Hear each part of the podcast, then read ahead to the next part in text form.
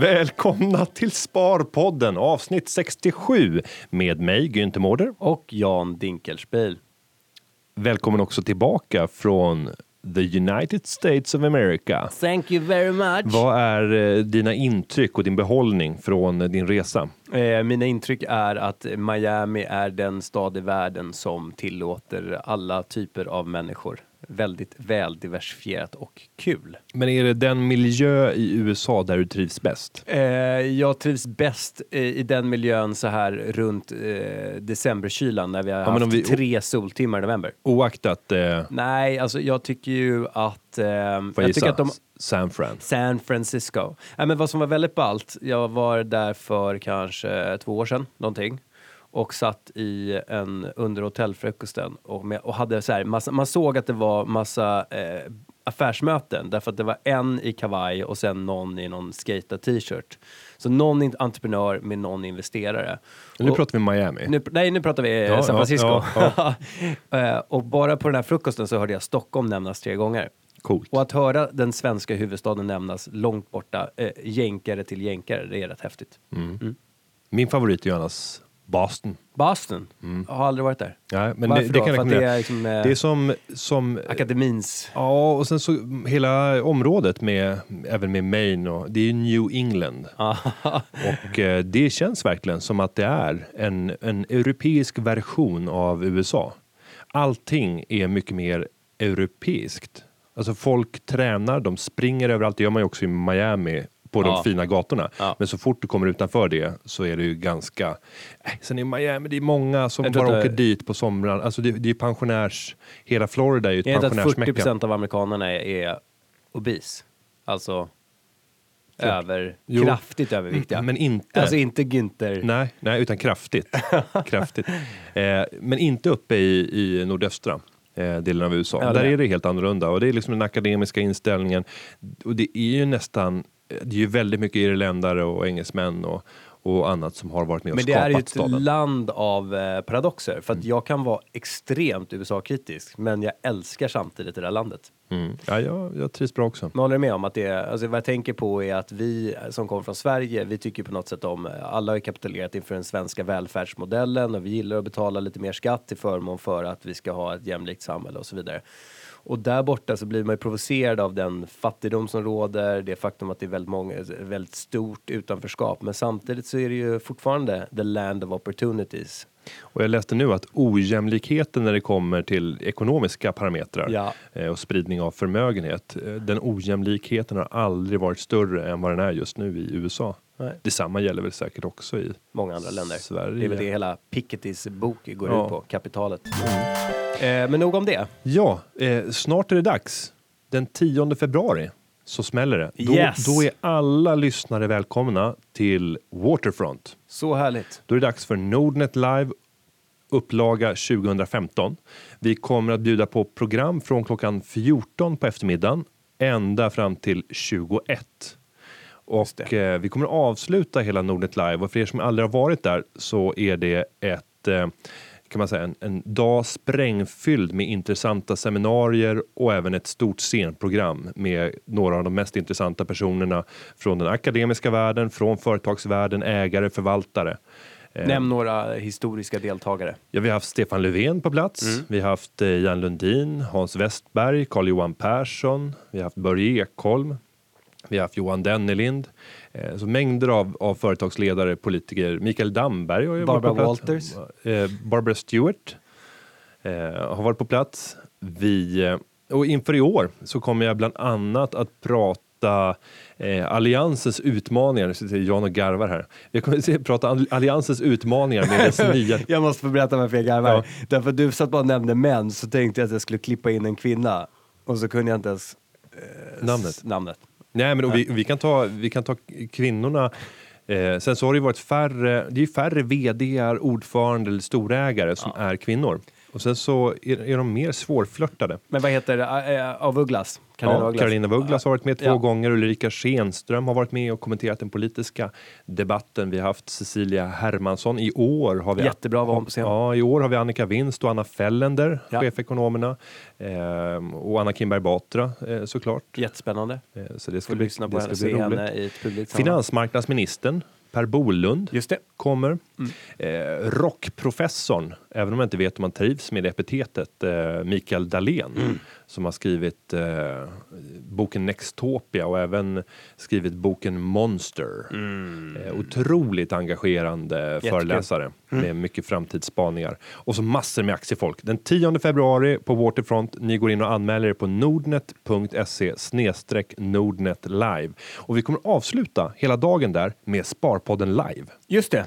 Och hela programmet Och det blev jag varse igår. Ja, Ja. eh, och då är du uppbokad. Ja. Hela programmet kommer att sändas på dn.se. Vi hoppas även att kanske Expressen vill livesända. Det har de gjort tidigare. Livesändningar. Tidigare gånger vi har kört live så har de livesänt.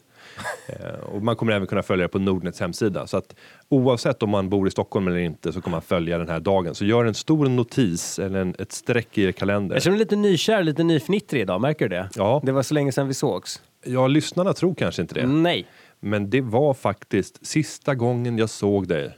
Eh, Ja, det var där runt 15, 20. var det Ja. julfesten? Drog du efter Vi- julfesten? Nej. Nej, vi spelade in ett avsnitt till där. Ja, men det var ja, kring Ja, 20. 20. Mm. Du, ehm, ja. Sen eh, innan vi går vidare ska vi också säga lite andra tillfällen när man kan få träffa ingen mindre än mig själv. Ja, jag tänkte Och säga, eventuellt träffa mig oss. idag också. Då har vi lovat in Ja, vid ett tillfälle. Ja. Eh, Den 21 januari så kan ni träffa Jan i Täby. Nej, Jan kommer inte ut till Täby. Ja, Jag, jag åker och eh, besöker Täby i Aktiespararnas eh, regi för att hålla en föreläsning på kvällen den 21 januari. Alla är välkomna. Det är bara att anmäla sig på Aktiespararnas sajt. Den 29 januari så kommer vi till Uppsala till dela, deras arbetsmarknadsdagar vid eh, eh, Ekonomikum. Kontaktdagarna. Och klockan 13 tror jag att det är så Och kör eftersom vi du har Sparpodden anmält live. mig till det så menar du att jag ska säga till vår VD, tillika styrelse, som har möte den 29 att jag inte kan närvara för att jag ska in Styr- live. Styrelsen kan du väl prata med på söndagen när det äter söndagsstek. Hela familjen tillsammans. som vi har skjutit Ja, själva. Om, om ni ska, ja, och, och, och, och, med, med, sån där gelé som ni har gjort från, eh, från eh, bär. Vilket vin dricker vi? S- Eh, Chateau Margaux. Aha. Vilket år? 82, för det är en Ja. fin årgång. Ja. Eh, och gelén har ni gjort från, från gården i eh, Skanör Falsterbo. Och så har vi bordsbön Mm. innan vi sätter igång. Glädjens herre var en gäst, vid vårt bord idag gör vår måltid till en fest efter vårt behag. För de gåvor som du ger tackar vi dig nu. Gud som haver barnen kär, lovad prisa du. Du är en liten dinkersbil du också. Jag hade kunnat platsa där vid bordet. Jag kan dra fler, jag kan massor. Så välkommen till, till Uppsala också. Och sen kommer vi även till Stockholms universitet den 12 februari, dock inte i Jan. Men jag kommer hålla en föreläsning där. Det är arbetsmarknadsdagar för statistiker, eh, statsvetare och nationalekonomer. Och i sammanhanget så handelsdagarna också. Handelsdagarna kommer vi till också. Ja. Det är veckan därefter. Både du och jag. eh, Kan vi säga den 20, det är en fredag. Vi pratar Handels Stockholm. Handelshögskolan i Stockholm. Eh, och då kommer Jan att föreläsa på morgonen. Och det är inget mindre datum än den 20 just. Och jag kommer att eh, stå i tv-studion och Jan kommer också komma till tv-studion. Så välkomna då också. Yes. Sen är det ju årets fattigaste månad. Mm. Och jag, jag och min fru stod, satt och diskuterade det här. Varför säger man egentligen årets fattigaste månad? Januari brukar ju normalt sett vara en bra börsmånad. men, men jag tror att vi lever lite annorlunda. Eh, Det är också paradoxalt att årets, alltså januari är årets absolut bästa sparmånad historiskt sett. ja, både För när det gäller, eh, företag som Nordnet. ja, ja, när det gäller insättningar. Ja. Det finns ju börsmånader som är, är bättre eh, historiskt beroende på vilka det. perspektiv. Men just när det gäller Men jag undrar om det är, gäller branschen eller om det framför allt är ett Nordnet-fenomen. För vi eh, har ju, säg att vi tar, alltså vi tar ju en större andel av sparmarknaden varje år än vad som är vår marknadsandel. Så förmodligen så är det väl en del aktörer där ute som har ett ganska stort nettoutflöde under januari månad. Därför att eh, människor ser om sin egen ekonomi och så konstaterar man att nu ska jag ta tag i det här och då byter man eh, då till Nordnet. Jag vill slå hål lite grann på det resonemanget, för jag tror att det är ett ökat intresse för sparande under första kvartalet. Ja men det var ju precis det jag pratade om. Jo, och, och att det syns även hos andra aktörer Ja. på grund av att det är nyårslöften och vi ska förändra vår ekonomi och lägger budgetar och Jag spar, vet, pengarna måste ju komma. Om man flyttar från en storbanks eh, transaktionskonto till ett, ett, till ett annat konto så har de ju noll i nettoflöde. Mm. Men det kan ju vara så att vi strukturellt tar Pengar från... in för oss är pengar ut någon annanstans. Jo, men vi tar strukturellt från Ja, dem, ja. men under första kvartalet så är det inflöde överallt. Vilket gör att våra, då? våra siffror ser fantastiska ut. Nej, men om vi växer, eh, låt oss säga 10% snabbare än marknaden Ja. och sen så tittar vi bara på beloppen som vi får in och så ser vi att under första kvartalet så är det extremt mycket högre. Mm. Ehm, ja, då visar det sig att då gör vi slutsatsen att vi växer snabbare än marknaden, ännu snabbare än marknaden i Q1 och jag tror inte nödvändigtvis att det behöver vara så. Nej. Nej. Ehm, Men årets fattigaste månad, jag har lanserat eh, hashtaggen sparad krona till Twitter. Mhm. Har den eh, att, fått eh, någon traction? Ja, men det, det har flugit lite grann. Jag har bett folk att lägga upp sina bästa spar, spartips och dela med sig eh, med andra sparare. Mm. Och det har kommit ett, ett helt gäng. Eh, du har inte bidragit än. Nej, jag har inte noterat att du har etablerat den hashtaggen. Nej, Nej om, om jag tar några eh, så kan vi säga eh, Ja, det här var ju no-brainer. Ha bilder och beskrivningar av det ni säljer på Blocket höjer det möjliga priset.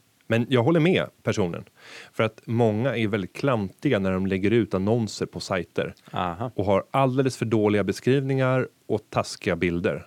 Och du vill ju precis som i en butik locka in köpare, potentiella köpare till just din annons.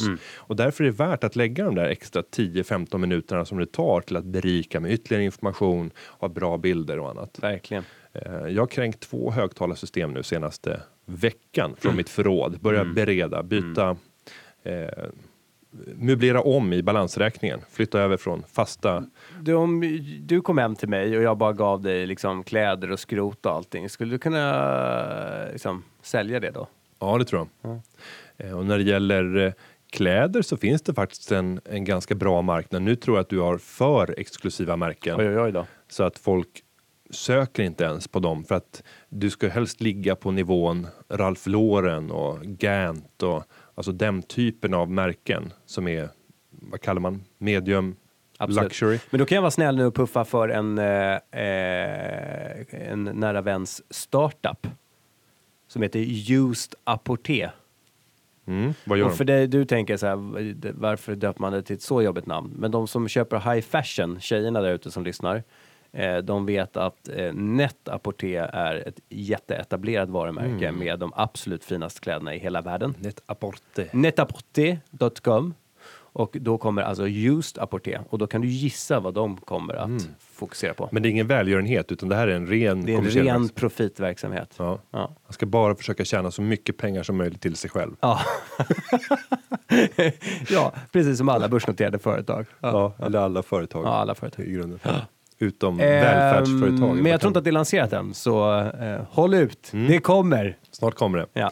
Mm, Det här får Jan betalt för att säga, men Nej. det gör ingenting. Det hade han sagt ändå. lite, fler, lite fler spartips. Eh, Jag tipsade ju om etanol i bensintanken. Eh, Jag, jag blir alltid påhoppad eh, när jag säger det för att folk menar att det drar eller sliter på slangar och liknande, vilket gör att hela den ekonomiska vinsten vid, vid förbrukningstillfället förtas av att man förstör bilen. Det låter relevant. Men då har man redan sålt den. En annan säger sälj dyra finansprodukter och aktivt förvaltade fonder, köp istället billiga indexfonder. Ja. Ja. Eh, ta med egna påsar när du går och handlar mat. Spring till jobbet, spara resekostnad plus gymkort. Det är bra. Gå alltid in via prisjakt.nu och motsvarande saj- sajter när du ska köpa kontaktlinser. Spara 30% varje gång. Eh, ta med matlåda till jobbet. Ja. Se över din tv-konsumtion, är inte det ett bra spartips? Eh, jo, alltså ett, ett bra man sitter på spartips. massa olika paket, gör man inte det? Som Ja, men många idag har Säg upp ju, din fasta telefon. Ja, många har ju HBO och Netflix idag. Ja. Och där är mitt spartips inför i år att säga upp det varje månad och växla mellan de två. Och inte skaffa dig några vanor och beroenden av speciella serier. För att på så sätt så får du alltid massa specialerbjudanden. Jag sa upp min Spotify ja, och då fick jag ett nytt erbjudande nu om att förlänga eh, till kostnaden av en månad så får du ett helt kvartal. Då har jag betalat 99 kronor för ett kvartal istället för 99 kronor per Alltså, månad. Du, ja, herrejessus. Och jag kommer ju säga upp den här precis när den går ut. för att sen få nästa erbjudande. Kom tillbaka, du har väl inte glömt oss? En drömkund. Det är Ja. dig man vill ha. Finanskvinnan kommer med ett bra tips. Byt kläder du tröttnat på med en annan eh, vän istället för att köpa nytt. Oh. Ska du och jag göra det? Nej. Nej. Ehm, ja, Nej, men fyll på med spartips. Det finns mängder. Gå in och titta under sparad krona. Eh, så kan du få tips om hur du överlever i januari månaden, vilket jag hade en artikel på. det- Vi borde kunna komma in på sparande snart, hörru. Hashtag sparad krona. Innan vi kommer in på sparande, Ja. eh, det här är ju sparande Ja. utan tvekan, så vill jag återkoppla till eh, det som jag aldrig fick något svar på. Min utmaning till dig, alltså det finns ett engagemang där ute Ja. för den utmaning som jag skickade ut som innebär 1%-loppet. Jan och jag tävlar om åtta månader i löpning, en mil och om jag vinner ska jag få 1% av Jans tillgångar. Vi estimerade det till 500 000 kronor. Om du vinner så får du 1% av mina tillgångar och vi estimerade det till 65 000. Eh, och det här skulle alltså ske om, om åtta månader. Jag märker redan hur du har skarvat. Nej, Du sa juni tidigare. Nej inte juni, augusti sa jag. Gå tillbaka och lyssna på? Sparpodden. Augusti sa jag. Ah, okej. Och det är en månad sedan. Så åtta månader från nu. Ja. Det är det som gäller. Och du kan, och ja, vi har även fått kommentarer. Eh, vi kan säga bland annat Max, nej förlåt, John Andersson, 86 John John, säger ert löpvad är en no-brainer för Jan Nordnet. Enligt Tom Osler motsvarar varje extra kilo 5 sekunder per kilometer. Ta vad för i fan, säger han. Och det skiljer alltså 30 kilo mellan dig och mig efter julmaten. Eh, och om jag gör en snabb huvudräkning så innebär det 15 minuter extra på en mil. Så du har 15 minuters Men vet du försprång. vad du har pikat på? Nej, jag har inte sprungit en mil. Okej. Alltså, det var ju, man blev tvungen att göra det, Det i lumpen. kul att göra en oddsättning på din viktnedgång också. Så att parallellt, alltså om, om vi säger att Nordic Bet, som ju gjorde någon annan eh, plojgrej med dig, eh, om, om de skulle sätta först odds på vem som vinner, för vi pratar milen, eller hur? Ja, milen. Ja. Massstart med två. Ja, Är det du och jag tillsammans då? det är bara du och jag, ingen har eller Nej, men någonting. det är, det är utomhus, Utomhus? flat, Ja, ja en vanlig en stadsbana. vanlig liksom. liksom. milbana. Förmodligen med upplopp och typ eh, Östermalms IP eller nå- någonstans där du men kan inte känna dig runt, hemma. runt på någon eh, 400 meters bana, utan Nej. eh, ett vanligt stadslopp. Mm. Eh, så borde man ju ett kunna oddsätta på vem som kommer vinna, men sen också på din viktnedgång. Mm. Man kan göra lite någon typ av hedge. Och jag tror att förväntat borde kunna bli under åtta månader från 106 till eh, 88. Nej, men okej då. Jag är beredd att erbjuda multipel 5 upp till 100 000. Nej, men backa inte nu. Backa inte. Det är du som har Backa kommit med någon idiotiförslag. Multipel gånger 5 upp till 100 000. Ja. Så vad, vad innebär det då? 100 000 om du vinner N- Nej, och jag får 20 5. 000 om jag vinner. Det här blir nästan töntigt. Det är inte ens värt engagemanget. Hu- 20 mot 100. Ja. Men 1 procent. Ska det svida mer för mig än vad det ska göra för dig? Nej, men eh, det blir för stora belopp. Det är inte kul. För vem? För båda. Nej, det blir det inte. Jo. Det blir du ju allvar. säger upp ditt Spotify-abonnemang för att du vill spara, för att du vill 33 spara kronor. 33 kronor i månaden. Du menar att det kommer svida ju ifrån det 20 000 till mig? Ja, men jag, jag Jag, kan... kommer typ köpa champagne för alltihopa och bara hälla och vaska det. Nej, och, och helt, helt plötsligt så har du också ändrat oddsättningen. Vad menar du? Ja, men 65 Ja. mot 500. Ja. Ja, Det är en Eller multipel, det är en multipel 10, 9. 9. Ja. Och nu sätter du multipel 5. ja. Nej, men det här går inte. Varför du får då? titta på förutsättningarna. Här har vi en 30 kilo överviktig person som aldrig har rört på sig de senaste håller med. 10 åren. Jag håller med. Nej. Nej, jag, jag, Jag kan erbjuda upp till 150 multipel 5. Nej förresten, då vill jag ha multipel 4. Du kan få 150 och jag kan få 32, äh, vad blir det? 37 500. Ja, men vi, vi får återkomma och jag, jag säger lyssnare. Nej, det blir inget. Ligg, Det, det blir inget. Nej, det här är dåligt. Lyssnare, ligg på Jan. Ja, men då blir det Eh, ingenting. Har du, du, du eh, Jag tror att vi hade en deal. nej, Du har gått här du, har kommit, julen. du har kommit med ett förslag. Och dragit in på spritkonsumtion och eh, jag drack aldrig upp skinkspadet för att jag tänkte på augusti. Hörru, du har... eh, Hörru. hörru, hörru. Prata inte till mig på det sättet. Du gör inte det i den här studion. Innan vi går vidare in till sparfrågor. Det är nu eller aldrig. Nej, vi- Vill du ha 20, 100 eller 37, Men det, är inte värt, det, är inte 150? värt, det är inte värt att kämpa Då för. blir det ingen tävling. Då går vi vidare. Fy fan. Ja, Max. Hur går tankarna kring Mavshack? Flertal goda nyheter på sistone. Trevlig uppgång. Sparpodden. Ja, vill du berätta om Mavshack? Ja, det är Fan. Det, du, du såg framför hur du skulle springa varenda dag och sen Ja. kamma hem en halv miljon. Jag har redan pratat om Eva med tjänstledighet för Ja. att klara av det här. Ja, bara en sån sak. Eller du skulle ju fuska. Nej, vi Vi kan köra på löpa. vi hade vi kan köra på, på bana om Vi du hade vill. ett vad tidigare och det var att du skulle raka av den där gräsliga ringen Vilket jag gjorde. och då skulle du få, och så skulle du vara ringfri hela sommaren. Och sen kommer du tillbaka i augusti med en, en ring och har, jag har inte fått se en krona. Summan slu- eh, sommaren var slut. Nej, den var inte slut. Du har brutit vad tidigare. Ha, då går vi på dagens Sparpodden. Utan ett vad. Eh, nej, vi har väl Johan Andersson. Nej, okej. Nej, det var han, det. han kommenterar den där tävlingen vi aldrig kommer att ha. Den kommer tillbaka. Max.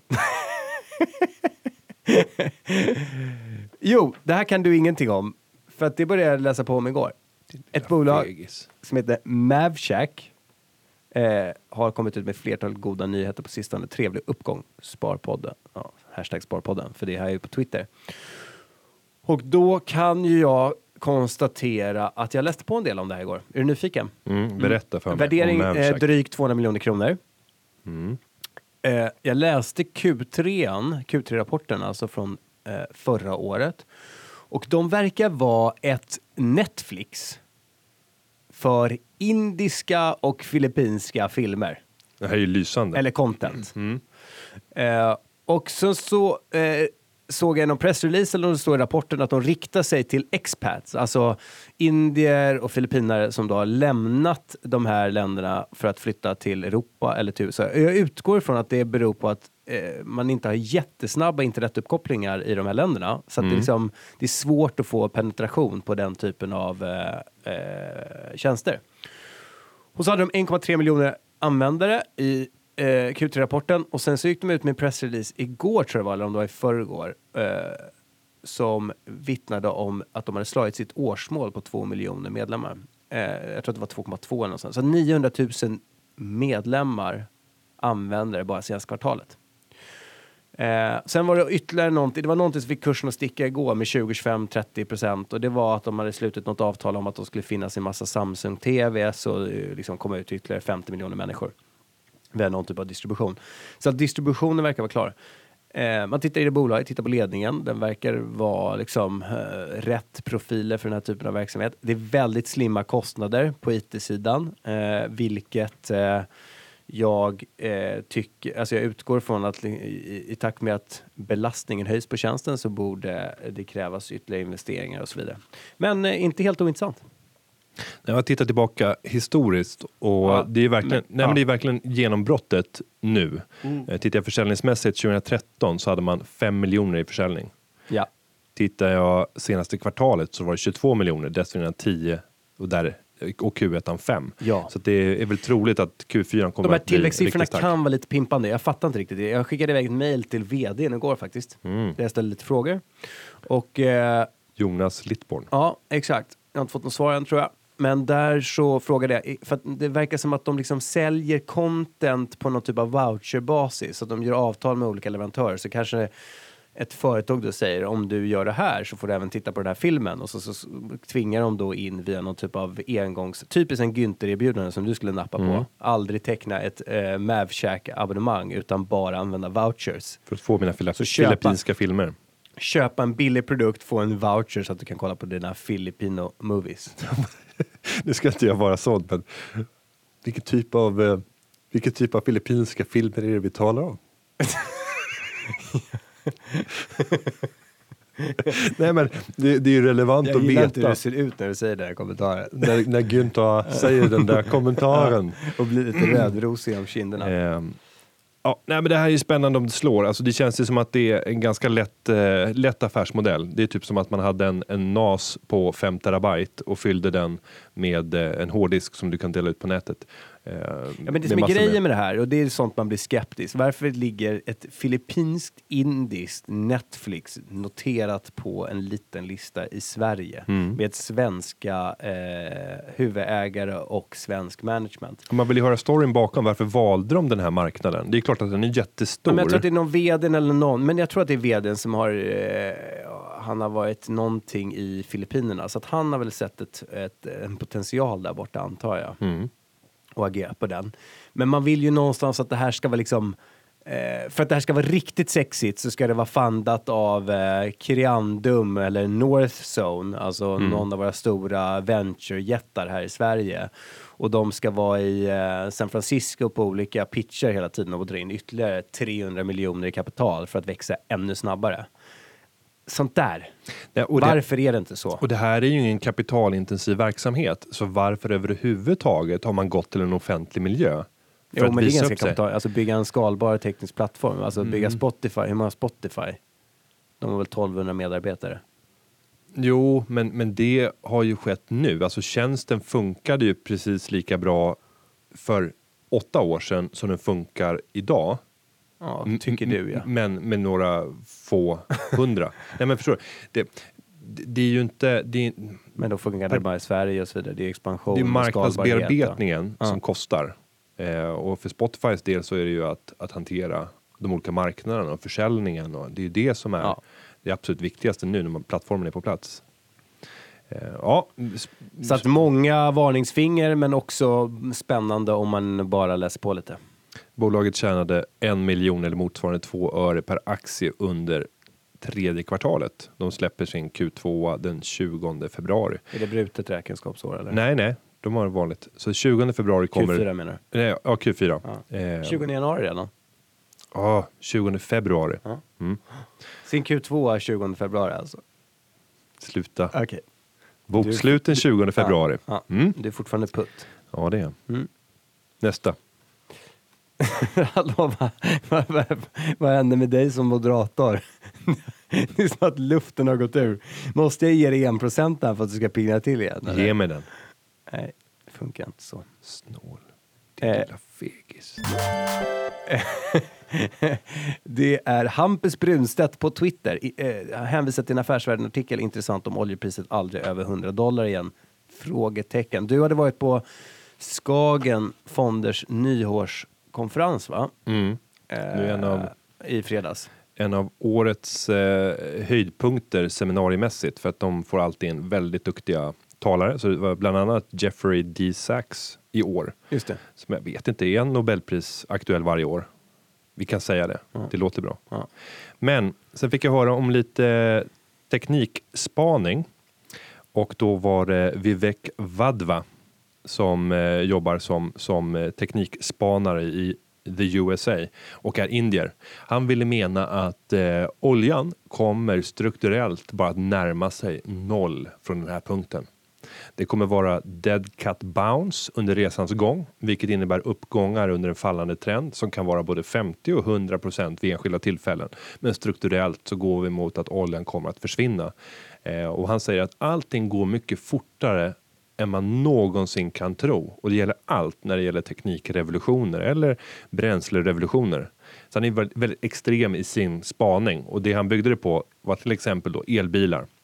Det vi ser nu det är en explosionsartad utveckling.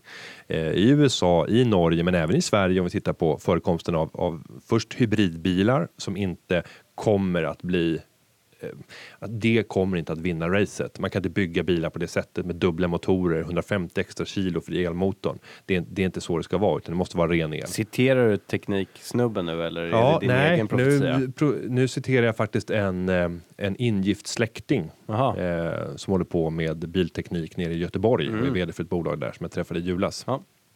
Men däremot, eh, den rena elbilen har en framtid för att du kan bygga den optimalt.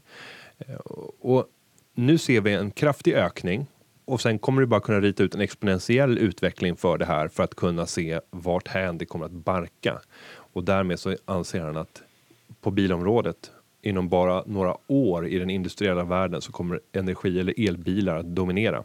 Väldigt extrem i sin uppfattning och han menar då att solenergi och eh, vindenergi skulle ta över vågenergi också tror jag till viss Ska man del. köpa Nibe också kanske? Ja, Nibe är väl alltid intressant. Jag Värme, värmepumpar. Värmepumpar. Om Ja. värmepumpar ska ersätta, för att olja, bilen måste ju Men vara en stor källa va? Men Alltså- sen måste det vara uppvärmning också. Jo, men vadå, nästan varenda villa oljepanna är ju borta idag. ja men tänk alltså, dig det- Kina, är det inte mycket olja där i uppvärmningen? Det borde det väl vara rimligtvis. Tror du inte Jag kineserna kommer marknaden. stå och säga gång på gång på gång om Mm. tio år? Eh, nej, men det, det där behöver någon annan gå in och titta på. Men, men Sverige är säkert tidig i utveckling på grund av att det är så otroligt lätt kalkyl för oss att göra eftersom vi har höga uppvärmningskostnader.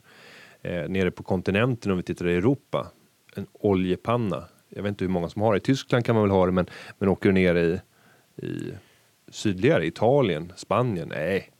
Men, men det. eh, alltså hans eh, profetia var att vi kommer aldrig få se ett oljepris över The 100 death dollar. of oil. The death of oil. Ja, eller att det skulle kunna vara dead, dead cat bounce. Kan man då säga att det här Upp till 100, finns risk för att det här med oljan blir, eh, som vi så många gånger tidigare har pratat om, det vill säga att eh, när någonting faller väldigt mycket, då, tar vi, då säger vår psykologi att om det faller väldigt mycket så ska det tillbaka upp igen. Mm. Och eh, därför så eh, är det väldigt många som köper olja och olja med hävstång nu för att de tror att det ska gå upp. Men det kanske går ner härifrån. Ja, ja, det kan mycket väl fortsätta ner. Men om jag, om jag funderar över, kommer oljan att liksom successivt bara sorteras bort från, Mm. från vårt behov i framtiden? Nej, jag tror inte det. Nej. Jag delar inte Vadvas uppfattning. Han kan mycket, han kan mycket. Det var ungefär som när Göran Persson stod i, eh, på Nobelpriset. Mm. Ja, de här teorierna som den här Nobelpristagaren i ekonomi har ju, de är visserligen bra, men, eh, men, och så, så gav han sin förklaring. Jag, må, jag måste nästan titta på det där klippet igen. Han får lämna middagen och gå upp och prata i kommentatorstudion. Det är så otroligt nonchalant. Ja, han bara sågar. han bara pissar ner Nobelpristagaren i ekonomi. som bara Göran Persson kan. Eh, Och det finns risk för att det blir så här med mig. Men när oljepriset går ner så här kraftigt Ja. Eh, Och nu var vi nere på 48 dollar tror jag när vi spelar in det här. Eh, och, och det gör ju att kalkylen blir ju helt annorlunda. Jag kan gå in i att- Nordnets nya app Mm. och titta. Och det kan inte de andra göra än. Nej, det är en liten beta. Ah. När får vanligt folk? Ja, Den där. vi siktar på att lansera under tidigt kvartal ett. Mm. Vad det nu är innebär. snart. Ja, det är snart. Så Tidigt snart. kvartal ett. Det Ja. måste ju vara innan, eh, innan Nordnet live i alla fall. Mm. 10 februari. Hoppas på det. Ehm, nej, men jag tror så här att när oljepriset nu blir väsentligt mycket lägre så kommer befintliga biltillverkare att se möjligheten att fortsätta krama ut eh, ordentligt med pengar från de förbränningsmotorer som de har suttit och jobbat med nu i hundra års tid och utvecklat och förfinat. Så nu tror jag att eh, oljan kommer vara fortsatt dominant och jag tror att vi kommer få se nya resor uppåt för oljepriset när världsekonomin tar fart.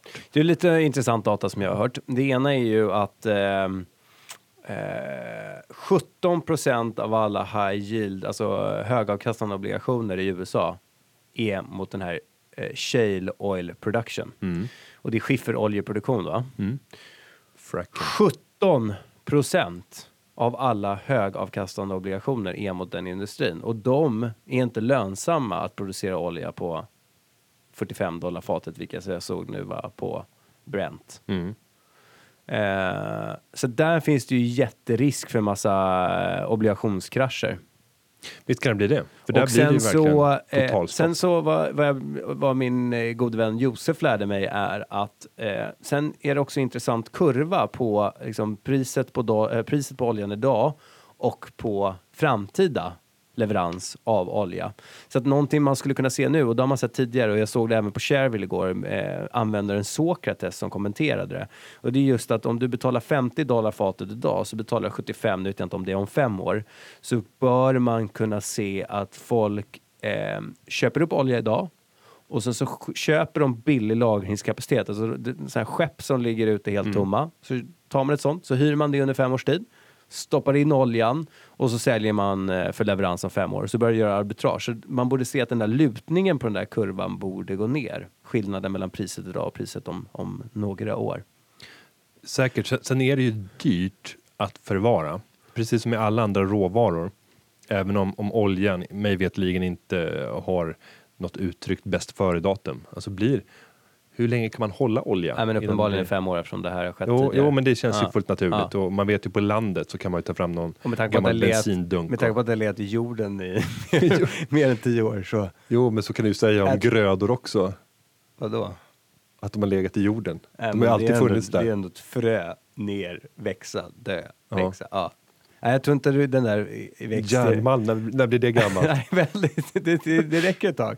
Mm. Nej, Jag tror inte att det, det blir dåligt i en tank Nej. på, på över, över sex år. Du, du ser det som ett Nej. vin? Eller? Nej, men det måste, det måste ju vara dyrt förhållandevis att förvara. Jag tror inte att man... Det beror ju på hur du får, om du köper billig kapacitet, alltså de här fraktpriserna har varit ganska billiga. Jo, men, men efterfrågan på lagringskapacitet i form av stora tankar Ja. borde ju då stiga och Ja. därmed priserna. Nej, men, Så det är kanske där man tack, skulle- det Tack är kanske för att där du det jo, jo, men det är kanske där du skulle investera. upp om efterfrågan ökar. Nej, men det är kanske där du skulle investera om man ska göra en liksom framsynt Men det var ju det den här. Sokrates på Twitter, eller på Twitter, på Shareville skrev till mig att han håller på att leta, Frontline Mm. har tydligen gått upp, för att de gick upp under eh, oljeprisfallet 08-09 också. Mm. Så att de har gått upp eh, väldigt mycket för att man just, de är då uppenbarligen den typen av bolag som kan eh, lagra det här över tid. Men då, är det på, men då är det på fartyg. Ja, Och, och det känns ju inte rimligt att förvara någonting på ett fartyg, det är det jag menar. Nej, men det, vi vill alltså, ju ha på Du har en land. garanterad uppgång på råvaran på 50% på fem år i Så det tidshorisont. måste ändå vara billigare att ha en tank på land i ett gammalt industriområde. Ja, men det kanske, du kanske inte får upp samma... nu vet jag Det är de tillverkarna det jag inte- hittar. alltså, Förstår ni vilket paradis av arbitrage för Günther Mårder? Du kommer springa, bara- du bara hej då Nordnet och så kommer du bara springa runt och köpa tomma Jag köper, tankar. jag köper fritidsbåtar Ja. och bara fyller Och dem med olja. och springer till sjön. Det är bra, bra spartips. Ja. Bill, billiga ekor att som du får liksom inte bra, du får inte, det är svårt för dig att få tag på bränt, det är inte det? Det där är intressant, om du köper en termin idag och, in, och låter den gå till förfall, kommer du få bränt på din dörr då? Nej. Eh, Jo, rent ja, nej. juridiskt har du ju rätt till att om du köper termin, Jo, men så är, det, så är det med alla råvaror att de, de, de avräknas. ja okej så får du pengarna istället. Ja. För det är ett, ett finansiellt instrument, Ja. inte för att, Nej. att säkra Nej. produktionen. Okej. Och det spelar ingen roll även för den som, som vill ha det, för du kan köpa det för den vinsten du har gjort. Eller den förlusten. Så den som har ställt ut den här terminen kommer att ge dig det belopp som du förtjänar och sen får du köpa ja, din även, även, kaffe även på... bonden som ställer en termin på sina grödor Mm. Är ju inte intresserad av att vare sig köpa eller sälja beroende på vad det är för, för termin. Nej, bra, utan bra, bara bra, för bra tänkt, bra tänkt. Men du, försäkringsmarknad. det är ju rätt mycket spännande som sker på det här oljeområdet. Det ska Mm. bli kul att följa. Ja, och en verkar inte ha bottnat, så jag, jag skulle inte kasta mig in. Jag vågar inte hålla på och spekulera i, i något oljepris nu. Alltså jag har Lundin Petroleum i min portfölj och det räcker gott och väl. Och där är det ju ett underliggande case på att det är en extrem produktionsökning som Yes. ligger och sen att de har varit historiskt duktiga på att prospektera. Och det är lite som eh, en kompis sa som hade pratat med en av Sveriges mest kända investerare. Mm. Mm. Fredrik Utan Lundberg. Nej, utan att nämna några namn. Men det var inte Fredrik Lundberg. Men just att i varje, i varje kris så gör det ju riktigt ont innan det vänder. Och här Mm. har det inte gjort riktigt, ja det är klart att det gör ont för vissa, men vi har inte sett de här riktiga, liksom, när konkar det första rederiet? När måste DNB, danske eller norske bank, börja ta smällar på obligationssidan för att de har alldeles för mycket exponering mot olje och serviceindustrin och så vidare. Och så vidare.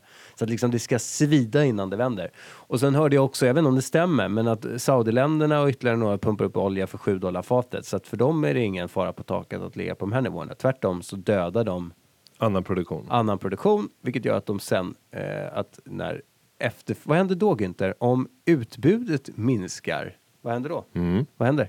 Ja, och det är högst sannolikt att vi får se den kanadensiska oljesanden försvinna, Arktisutvinningen, Deepwater-utvinningen, djuphavsborrningen. Och det är klart, minskar utbudet så kommer priset att stiga igen. Alltså vi behöver ju inte prata med Calmfors i det här programmet. Nej, det märker jag. Ja. Eh, frågan är om Nobelpriskommittén hör det här.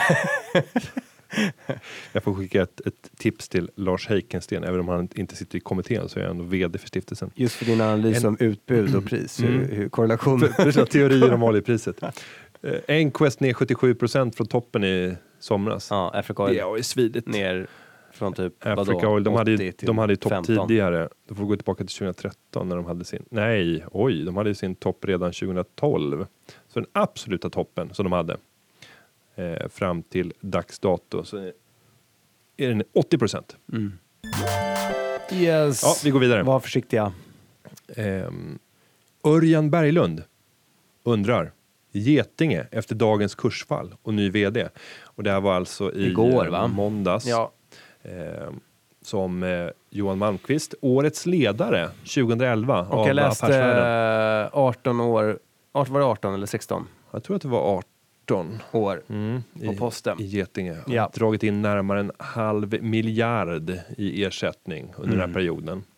Ehm, har varit en av börsens absolut bäst betalda vd trots att bolaget inte har varit så stort. Men det har ju varit fantastiskt framgångsrikt fram tills för två år sedan då det började själva lite grann och förra året var ju en, en katastrof får man väl säga.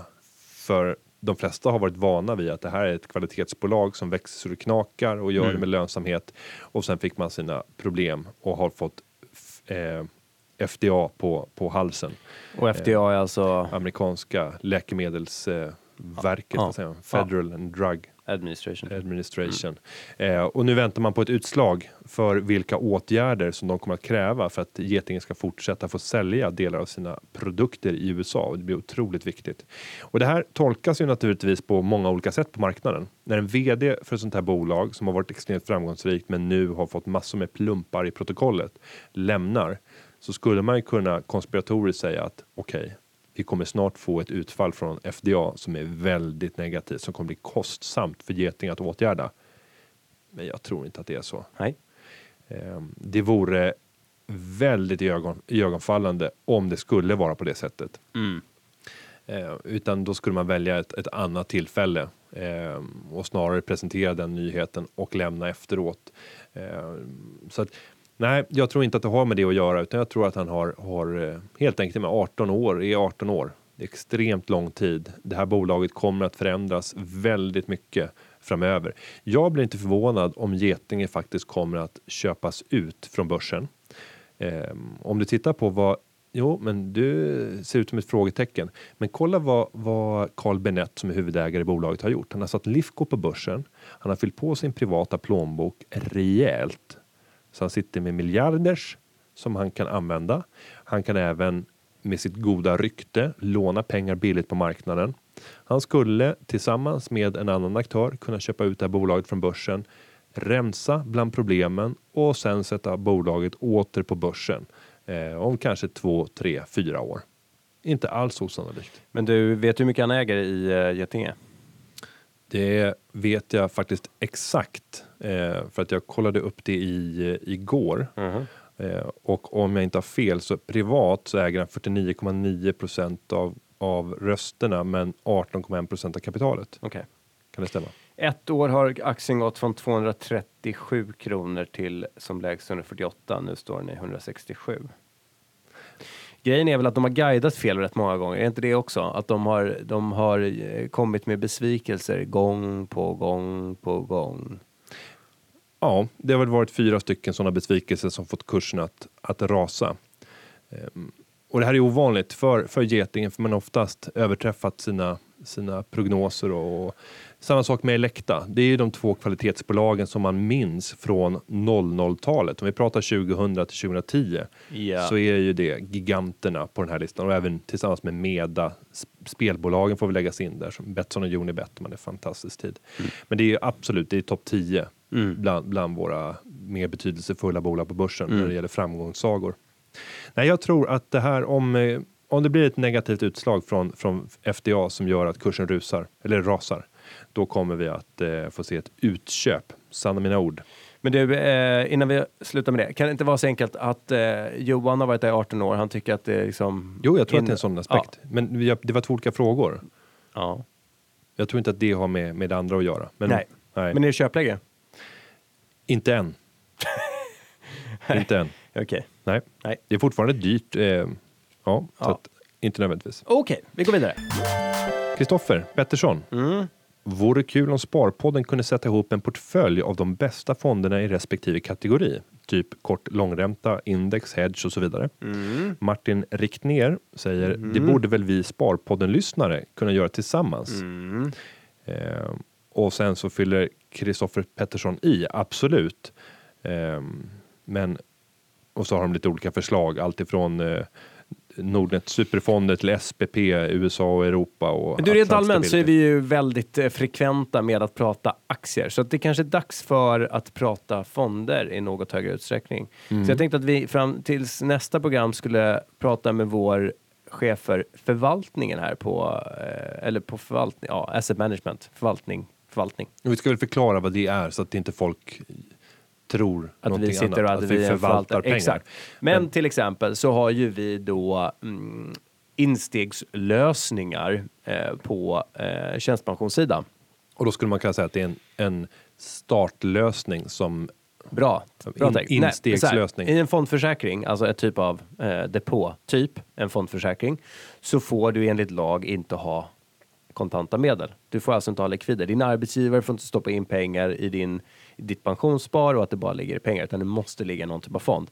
Då måste ju du ha eh, ett, ett startsparande. Så att varje gång det kommer, varje månad när det kommer in en pengar från, pengar från din arbetsgivare så måste de placeras i några fonder. Då måste det valet göras. Ibland gör arbetsgivaren det valet och ibland så är det någon på Nordnet som gör det. Och då har vi en förvaltningsorganisation som är väldigt liten, men likväl den finns där för att kunna välja ett bra alternativ till spararna. Och därför så måste vi ha den här eh, funktionen på plats. Det är en, en, en del. Sen har vi eh, Nordnets fond i fonder, en lågrisk eller försiktig och, och balanserad och så vidare. Och då är det också inslag av passiva fonder och underliggande ETFer. Så då har vi ett förvaltningsråd tillsammans med en leverantör. Och fond i fond är ju alltid någonting som jag brukar varna för. Ja, Eh, men rätta mig om jag har fel. Nordnet tar inte ut några avgifter för sitt, sin lösning, sitt urval av fonder, utan tar bara provisioner från de fonderna som finns i lösningen. nej, du har fel. Har jag fel? Ja, vi tar ut avgifter för de fond i fonderna.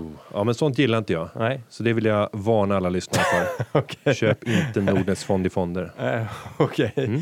Men vad, hur ska en fond i fond tjäna pengar om man inte tar en avgift för sitt eh, urval? Du menar att man får... Eh, Du kan ju få fondprovisionen.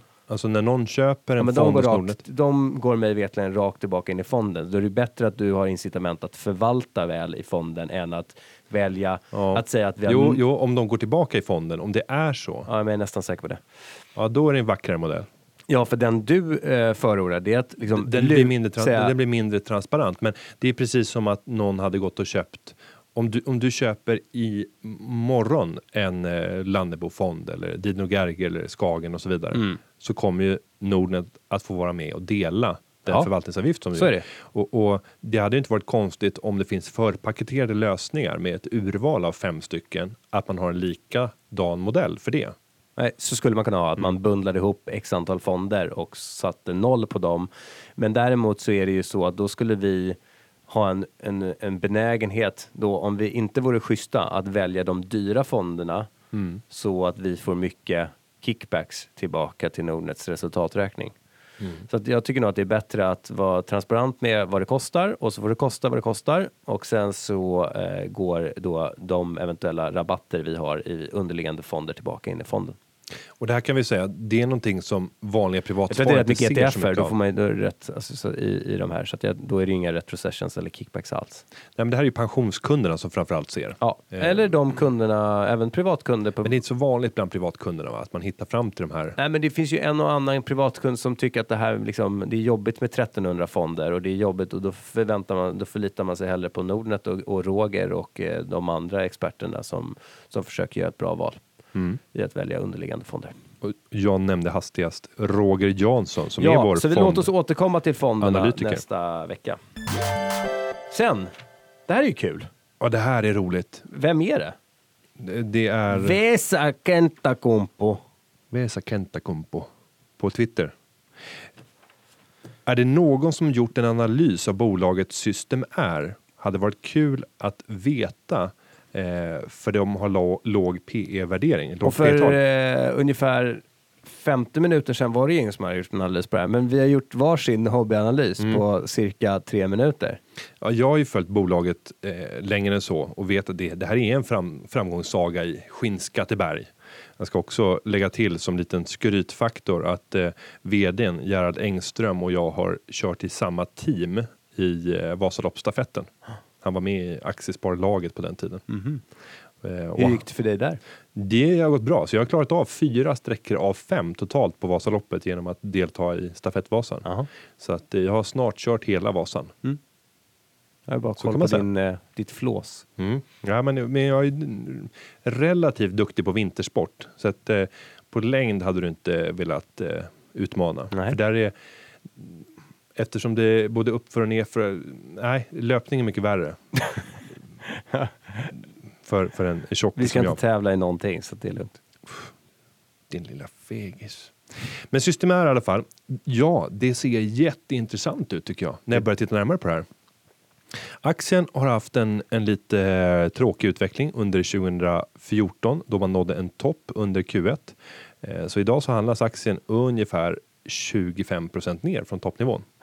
Vad har hänt under den här perioden? Om jag tittar tillbaka eh, på historiken så är det här ett bolag som har vuxit med i snitt 11,6% per år 10 år tillbaka i tiden och trenden ser, i, ser ut att eh, fortsätta hyggligt under, eh, under 2015. Eh, Vi ska väl också lägga till att de kommer med sina siffror den, tre, den 5 mars. När jag tittar på vinstutvecklingen så har vinsten vuxit med i snitt 17,7 procent de senaste 10 åren. Det är starkt. Just nu så har man en, eh, eller förra året så hade man en vinstmarginal på 9,6 procent och eh, snittet för de senaste 10 åren är 9,1. Och då ställer jag frågan till Jan, givet den informationen, vad tror du marginalen kommer bli för de kommande fem åren? Ja, vad sa du nu? Jag satt sa- och tänkte på annat. Eh, marginalen 2014 var 9,6, snittet för hela perioden var 9,1. Okej, då sätter vi 9,3 då. 9,3. Då tar vi det. Och vi kan väl bara göra en halvhalt här och prata om vad är Systemair och ditt ventilationsföretag. Och de har verksamhet i över 40 länder, så de är rätt stora. Börsvärdet är 5,3 miljarder. Och de har två stycken stora produktområden, komfortventilation och säkerhetsventilation. Men en gigant inom ventilationsbranschen. Vi ska också göra ett antagande om försäljningstillväxten. Vi vet att de har vuxit med över 11% i snitt per år och så har det även varit de senaste, senaste åren. Då har man spöat de siffrorna. Ja, Du, du sa 5% när vi inledde det här programmet. ja lite konservativ. Så, så, men det är svårare att växa mycket när man blir större. Så att, eh, vi sätter 5% 5% Om man skulle lyckas leva upp till det här, då Ja, förlåt. Ja, nej, då skulle vi landa på 1,1% i vinsttillväxt. Det är inte så imponerande. Eh, Så att nu har vi skruvat ner. Alltså det innebär ju en lägre... Okej, marginalen får en jättepåverkan.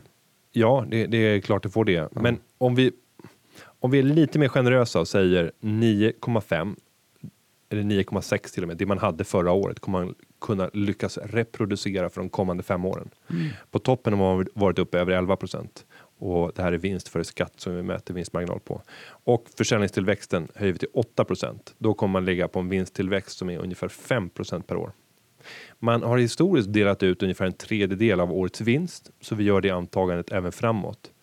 Eh, värderingen av bolagets aktie brukar pendla mellan 20 som högst och 12 som lägst. Nu är vi lite mer pessimistiska i våra antaganden eh, om tillväxt och därför bör det även återspeglas i ett lägre P-tal. Så jag skulle säga 18 till 10, ett intervall som är rätt rimligt. I den kalkylen så skulle vi landa i en målkurs om 190 kronor om fem år.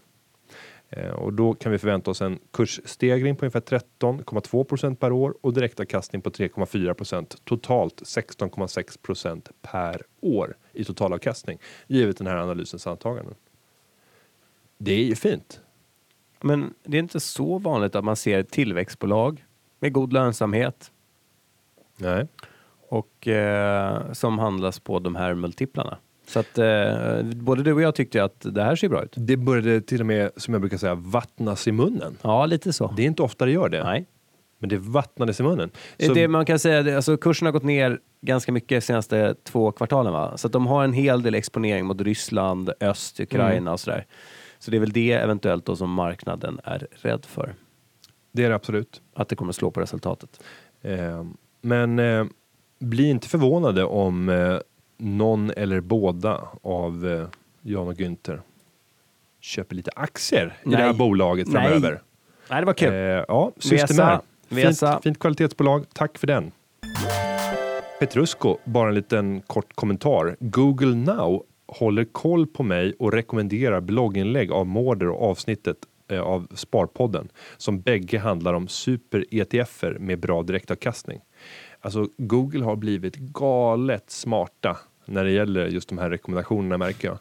Jag håller på också säljer eh, persiska mattor för tillfället, inte bara högtalare utan även keshaner.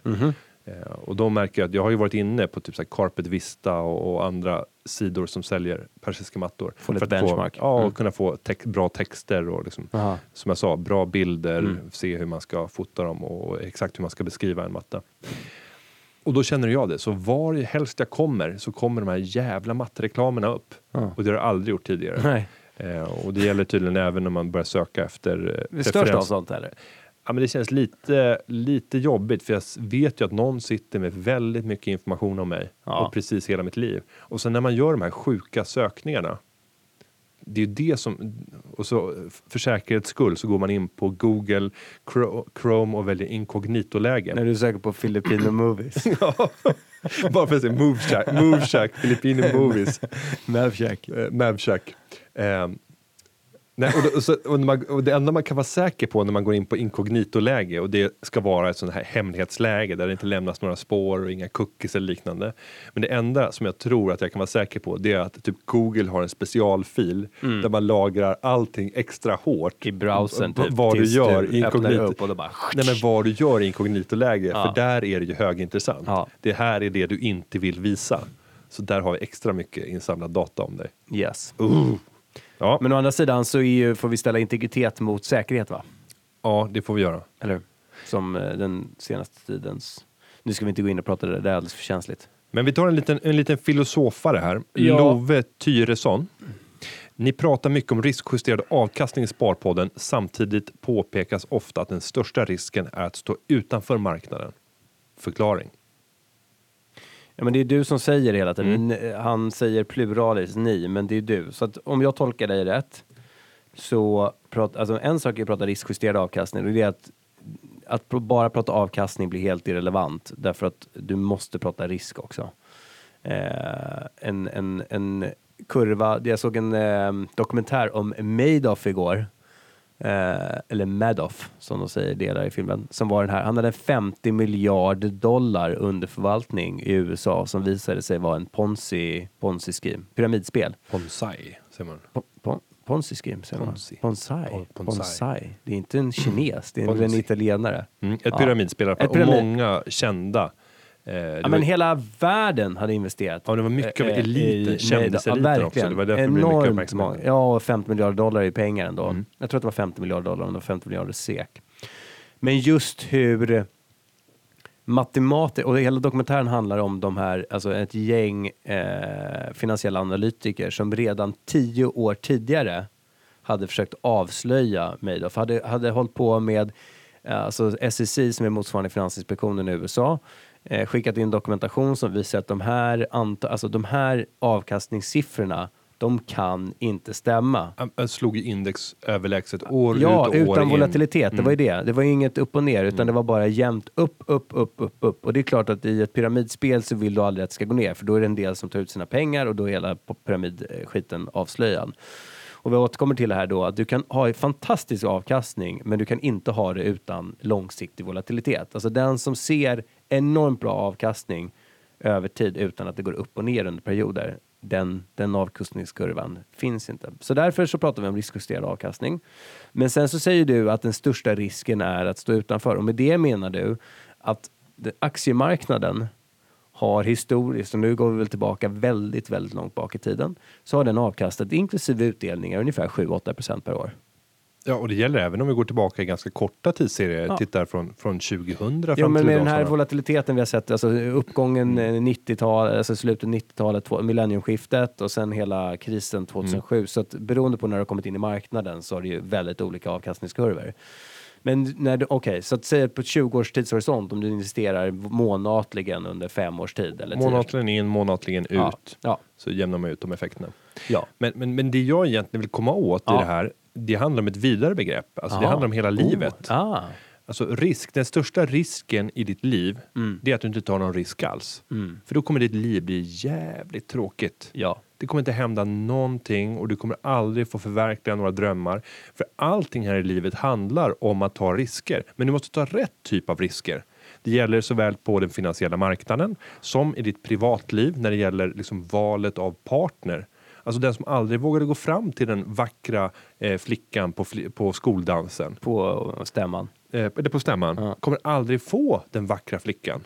Den som aldrig vågar utmana på jobbet och faktiskt försöka visa framfötterna, ta risker, gå in i projekt som man kanske inte egentligen har kunskaper för att klara av, men bara kasta sig in i och ge sig den på att jag ska greja det. Så att det hänger samman. Du måste våga ta risk och det gäller även i det finansiella. Vill du ha en avkastning? Vill du ha ett liv värt namnet? Ta risk! Partit! Partiet. Nej men det där var fint. Ja, Det håller jag med om. den största risken i livet Men tar du de riskerna då? Tror du att du kommer ta tillräckligt mycket risk i Jag växeldrar risk. Jag, jag har ju mina tre pelare. Du har inte lyssnat på den föreläsningen. men många av våra lyssnare Mm, Jo, gjort jag tror det. att jag har gjort det. Nej, men där pratar jag om, om det finansiella, Mm. det ekonomiska pelaren, det, den yrkesmässiga pelaren och den, eh, den privata pelaren. Ja. Och du kan ta olika mycket risk i de här pelarna i olika delar av livet. Mm. Och just nu kan man väl säga att jag tar rätt lite risk när det gäller eh, den yrkesmässiga pelaren och den privata pelaren just nu. Mm. Men däremot så tar jag rätt hög risk när det gäller den ekonomiska pelaren.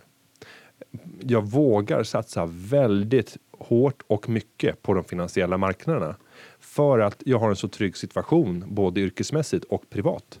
Men hade situationen förändrats yrkesmässigt eller privat så skulle jag förmodligen justera den ekonomiska pelaren, minska risken där för att sen kanske öka risktagandet i det yrkesmässiga om Jan Lite yin och yang alltså. familjen kom in och, och sa Günther, du kan gå. Mm. Du kan gå nu. Mm. Vi är trötta på dig. Vi är trötta.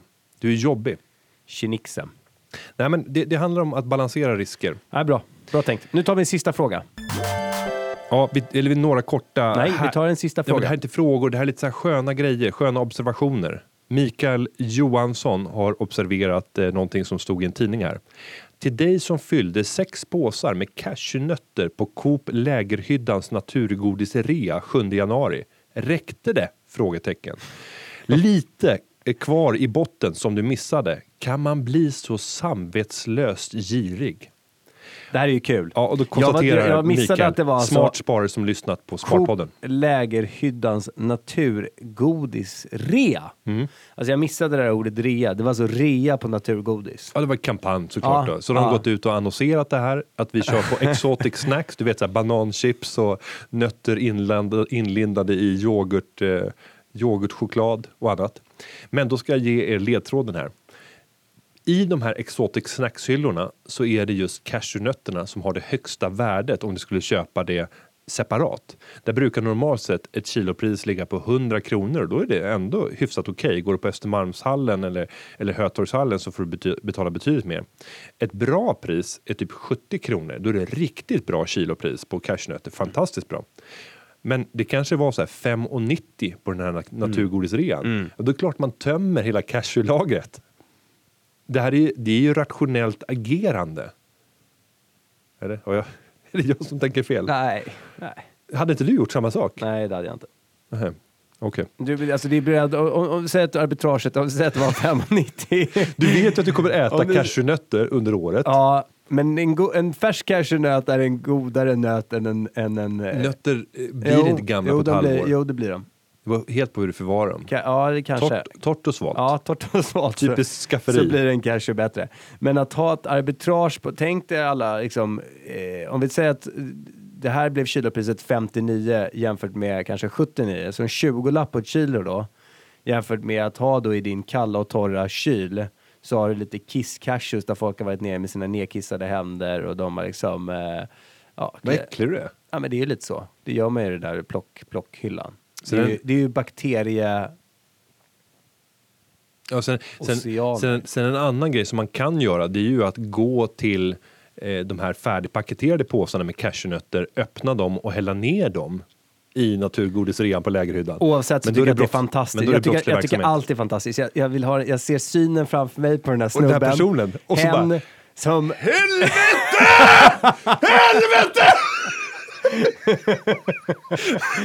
som, som verkligen, och det är girigt också. Det är girigt. Det är liksom, stå, Sparpoddarna i lurarna. här, stå med, stå med den här plast Går- eh, går- går- skopan går och- och, ska få tag på de där sista två nötterna går och hämtar en, Coop papperspåse i kassan Nej, det är så och börjar bra. fylla på. Och sen den där arga människan som uppenbarligen är så arg så att man orkar skriva en insändare. det, och är grejen liksom- var ju att den här personen har ju tänkt precis likadant. Den är ju precis lika girig. Ja, exakt. Och så, men man har signaturen ogirig. Ja, det är fantastiskt. Alltså det, är det, det var vackert. Det finns så bra på... Ja. Eh, ja, ett till, en, Ja. Mm. en till skön grej. Valini, angående tullbrobolag måste Take-Two Interactive Software vara ett sånt. Vill du spela GTA måste du köpa och det är GTA. Theft Auto. Ja, det är ett dataspel. Och jag tycker det är klockrent. det är ju definitivt ett tullbroföretag. Ja. Vill man spela GTA så måste man köpa GTA. Ja. Och det är lite grann, du hade något annat exempel. Ja, vill man eh, äta Hubba Bubba så måste man köpa Hubba Bubba. Så det måste vara tullbroföretag. ja. Och det gäller ju egentligen mycket. Ja. Ja. Heinz Ketchup. Ja, men just Heinz är man väl ett tullbro för att det är liksom, de står kan på inte hyllan. komma ifrån Man kan- det. det är inte Världen över, Ja.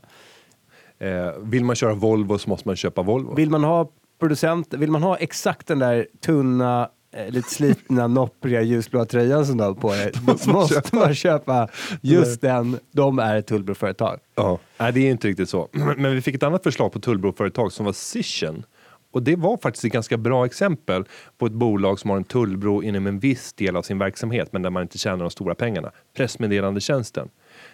Cision blev ju uppköpt här i våras men just på pressmeddelandetjänsten så, så var det bra. Ja, ja. Men du, eh, för att göra, vara lite snälla mot Valini. Ja, Eh, kan vi inte säga att Grand Theft Auto har ändå etablerat sig som ett starkt varumärke? Så att i sin, i sin nisch så är, det liksom, så är det starkt. och du nämnde Minecraft och eh, World of Warcraft tidigare kanske. Ja. Men det är ju just, just att vissa lyckas upprätthålla sina franchise. Alltså Counter-Strike. Counter-Strike, Halfpipe. War, eh, Wa- Warcraft Du känns som en... 2. ri- Nej, det har vi pratat om. Du är ingen gamer, du är en lajvare. Du Nej. åker ner till Gotland, Nej, men jag har en tar årlig på dig en riddarutrustning. Nej, men nu under jul och nyårsledigheten så har jag en, en årlig tradition som hatas av min fru och eh, delvis av andra i, i, i min familj. Åkte och ni till spa i år igen och gav presenter för Nej, nej. Det Nej, gjorde ni nej, det gjorde vi inte. Utan nu körde vi utlottning eller eh, julklappslek. Men jag har spelat Civilization 5. Jag spelar en omgång av Civilization 5 Mm. och det har jag gjort de senaste tre åren på jularna och jag tycker det är jätteroligt. Och varje omgång tar typ, ah, kan det vara 30 timmar i speltid? Mhm. Om man eh, håller på och funderar och vrider och vänder på det som jag gör. Men Mm. utspritt över många olika timmar, framförallt under nätterna. Och jag tycker att vi avslutar vackert med Kristoffer Sundqvist som konstaterar tror att jag har två nya kompisar i Günther och Jan. Hashtag Sparpodden. Och vi kan bara instämma Joakim Larsson. Du är precis som du säger också vår vän. Så är det. Med det sagt kan jag lova dig Günther att till nästa veckas eh, Sparpodd så har jag en liten, eh, eh, ja men någonting oväntat att bjuda på. Wow. Ja, Han kommer anta utmaningen. Nu blir jag lite spänd igen. nu blev det lite spänn. Med det, kära Sparpodden-lyssnare, goda vänner, så säger vi att den här podcasten har spelats in eh, av Günther Mårder, får man ju säga. Ja. Det var faktiskt jag som gjorde Ja. det. Men Klippts av Najara Seara! Adios! Adios, amigos.